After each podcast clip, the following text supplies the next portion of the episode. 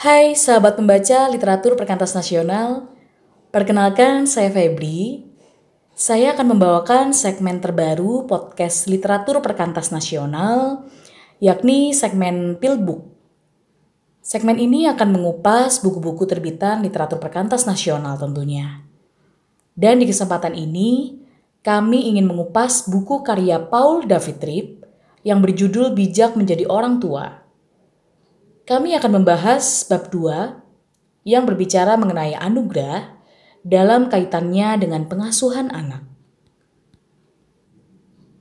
Di dalam buku ini, Paul menyebutkan banyak sekali orang tua Kristen yang tidak memahami apa itu anugerah Allah. Paul menyatakan tidak ada yang lebih penting dari cara pengasuhan yang konsisten, setia, sabar, mengasihi, dan efektif yang dipahami dari anugerah Allah. Mungkin sekarang Anda para orang tua berpikir, "Wah, saya tidak butuh teologi lagi. Saya perlu pertolongan praktis." Saya percaya segala hal yang dikatakan Alkitab, tetapi tampaknya hal itu tidak menolong saya dalam hal pengasuhan. Akan tetapi, Paul meminta Anda membuka hati dan bersabar karena ini mungkin adalah bab terpenting bagi Anda dalam buku ini. Paul percaya bahwa dengan memahami anugerah Allah akan mengubah Anda. Dan ketika itu mampu mengubah Anda, maka cara dan relasi dalam pengasuhan juga akan ikut berubah.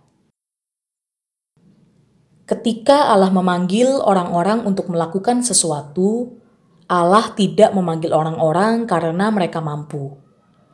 Tidak ada orang yang mampu di luar sana. Allah tidak menciptakan manusia untuk mampu secara independen. Ia merancang kita untuk bergantung. Bukanlah suatu kelemahan pribadi atau kesalahan karakter ketika merasa tidak mampu menjadi orang tua. Tidak ada orang tua mana pun yang memiliki gudang persediaan alami akan hikmat, kekuatan, kesabaran, kemurahan, dan ketekunan agar dapat melakukan tugas dengan baik. Dengan ketidakmampuan itu, bukan berarti Allah telah membuat kesalahan besar, yaitu meletakkan anak-anak dalam pengasuhan Anda. Ketidakmampuan Anda bukan akan menghalangi rencana Allah. Malahan itu adalah bagian dari rencananya. Ia tahu bahwa para orang tua yang mengakui bahwa mereka tidak memadai dan lalu berlari kepada Allah akan menjadi orang tua terbaik. Ia tidak meminta Anda untuk menjadi mampu.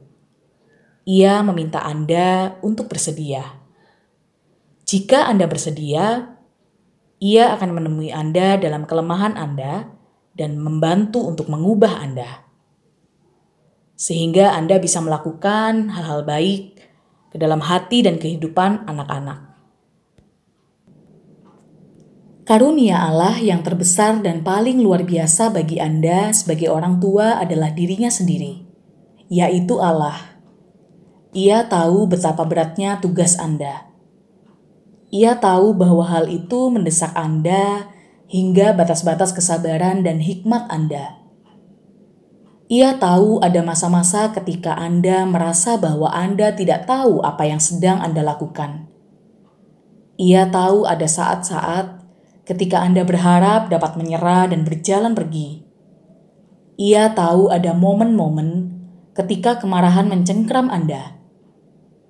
Ia tahu anak-anak Anda dapat sangat mengganggu Anda. Ia tahu setiap potong pergumulan yang akan Anda alami sebagai orang tua. Ia tahu satu-satunya hal yang dapat menolong Anda adalah dirinya sendiri. Ia mencurahkan anugerahnya yang mengagumkan, mengampuni, menyelamatkan, mentransformasi, memberi kuasa, dan memberi hikmat kepada Anda. Saat Anda mengasuh sekarang, Anda diundang untuk mengingat bahwa Anda tidak sendirian di rumah.